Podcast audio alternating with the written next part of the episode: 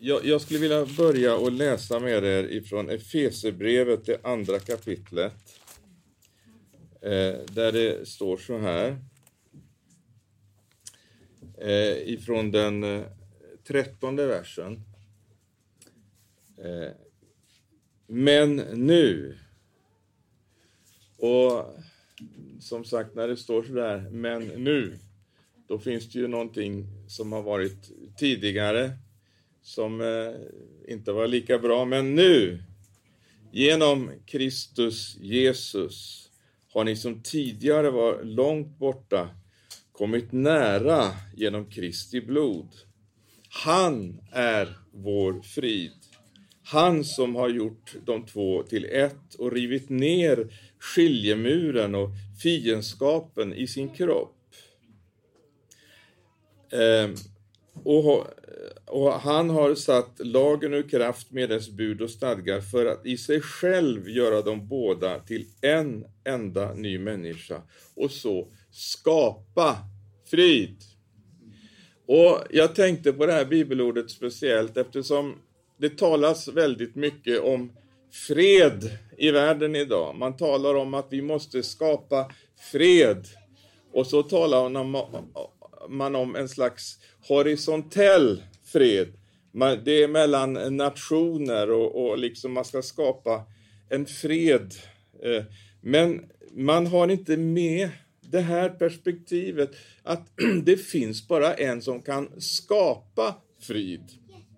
För frid är inte liksom någonting som står fristående, utan frid är en biprodukt av någonting annat.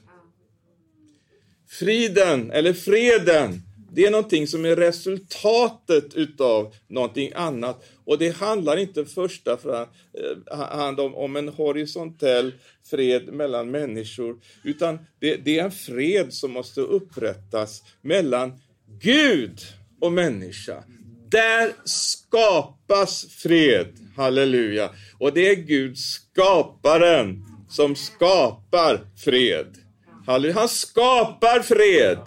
Halleluja. Och det gör han genom Jesus Kristus. Genom att se, bryta ner skiljemuren och, och, och, ta bort fiendskapen. Och så står det att genom Jesu Kristi blod så har vi kommit nära. Genom hans blod så har friden blivit upprättad. Och, och för att ytterligare understryka det jag sagt just nu så ska jag läsa från Romarbrevets femte kapitel, första versen. När vi nu har förklarats rättfärdiga av tro, har vi frid med Gud genom vår Herre Jesus Kristus. Halleluja. Satt med andra ord, genom att vi har förklarats rättfärdiga av tro, genom att vi har tagit emot rättfärdigheten, halleluja, så har vi frid med Gud. Och det är utifrån den friden som vi kan ha frid med andra, frid med människor. Därför att vi har tagit emot Guds frid i våra liv. Han har upprättat friden. Halleluja. Så att, eh, som jag sa, att frid eller fred, det är en biprodukt utav rätt och rättfärdighet. När rätten är upprättad, när rättfärdigheten är upprättad som vi läste här. Vi har förklarats rättfärdiga av tro. Därför har vi frid med Gud. Halleluja. Så att det är rättfärdighetens grund som är orsaken till att vi har fred i våra liv. Och att det kan bli frid. Du kan aldrig få en fred i världen. Du kan inte skapa fred. Människor kan inte skapa fred. Det kan inte människan. Titta på alla dessa mäktiga rörelser, allt från Nationernas förbund, eh, FN, allt vad det nu heter och nu har man Agenda 2030 och så ska man lura hela mänskligheten. Nu ska vi skapa den här freden som vi alla liksom har talat om i alla år och, och, och aldrig har kunnat lyckas med. Nu ska vi lyckas!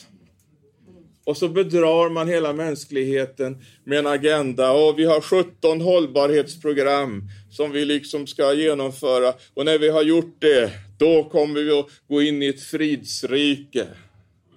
Detta är djävulens bluff.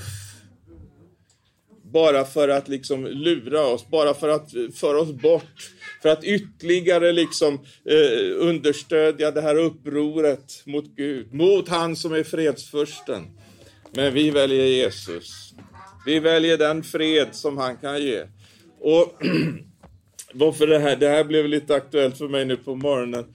Och, och, det hänger lite i samband med också att jag ska iväg nu direkt efter mötet här. Så ska jag ta tåget upp till Rättvik och så ska jag eh, tala där på en konferens.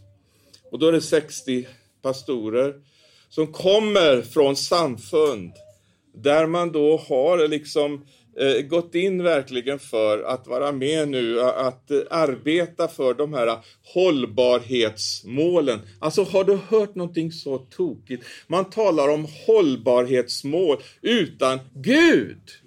Hur i all sin dar ska en människa kunna uppnå no någon framtida hållbarhet för den här världen? Och om man liksom inte vill ha med Gud att göra, om man inte vill ha med Jesus att göra. Det är en omöjlighet. Men det är så härligt att, eh, att jag ska få tala till de här eh, pastorerna nu, 60 stycken som kommer då ifrån samfunden och, och vi ska ta upp just sådana här frågor och, och se var ska vi som Guds församling stå i det som händer nu i tiden? Det som rör sig runt omkring oss, alla de här eh, locktonerna, alla som kom med, kom med, kom med. Vi, vi behöver er, vi behöver de kristna, vi behöver er man vill ha med oss. Men eh, vi har en annan fredsplan och till slut så vill jag bara läsa om det. Så ska vi sjunga här sen. Men i Fesebrevet, det tredje kapitlet. Och då är det så underbart att vi, vi liksom, vi har Bibeln och vi vet ju i förväg vad som ska hända, eller hur? Och då säger Paulus så här Eh, och då talar han om en annan fredsplan här. Eh, och, och, han säger så här att eh, han har fått den här uppgiften i tredje kapitlet, nionde versen, att upplysa alla, eller jag går tidigare, åttonde versen. Jag, den allra minsta av alla heliga, har fått denna nåd att predika evangeliet om Kristi ofattbara rikedom för hedningarna och att upplysa alla om planen. Halleluja. Det här är inte Agenda 2030. Det här är inte Agenda 2030. Men upplysa alla om planen med den hemlighet som från evighet har varit dold i Gud, allting skapar. Nu skulle Guds vishet i sin väldiga mångfald göras känd genom församlingen för härskarna och makterna i den himmelska världen. Som i andra ord, det är inte vi som ska lyssna till världen och höra vad de har för fredsplan, utan det är vi som har en fredsplan som vi ska presentera för dem. Halleluja! Vi har en fredsplan och vi vet att det är den enda fredsplan som går att liksom lita på. Därför att ingen enda människa kan lova någonting om en enda dag framåt. Men den här fredsplanen som vi talar om, den, den utgår ifrån Gud. Han som har skapat eh, universum, han som är allsmäktig. Och genom att han är allsmäktig så kan han bestämma i förväg vad som ska ske och han kan till och med bestämma när det ska ske. Därför att han är allsmäktig. Han har, han har den förmågan, han har de resurserna, men det har inte människor.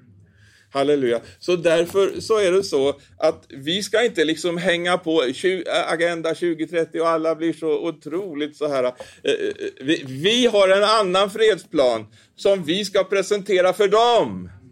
Vi ska göra den känd. Och det står till och med att det här om Guds mångfaldiga visdom, att vi, församlingen ska göra den känd för härskarna, makterna i den himmelska världen. Så att här har församlingen en helt annan uppgift än att haka på liksom antikrists agenda.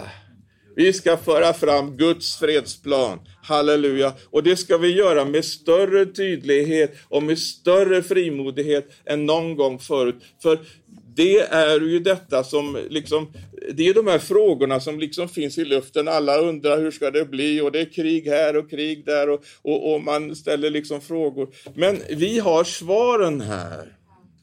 Vi har svaret att ge. Det finns en fred som kommer att stiftas. Det finns en Gud som har resurser och kan genomföra det. Och han kommer att se till att det blir fred. Han har sänt oss fredsförsten Jesus Kristus och det är genom honom den här freden ska upprättas. Det, det, I världen så har man liksom kastat bort honom. Han är den här byggnadsstenen som alla har kastat bort. Men halleluja! Det är seger i Jesu namn och nu står vi på frimodigt och bara proklamerar det han har bestämt för framtiden. Om en underbar fred som väntar oss. Halleluja, i Jesus Kristus. Darwin, Engelsmark och Freud har drömt att staden bygga men det är lagt förgänglighetens grund Evigt är det klippeberg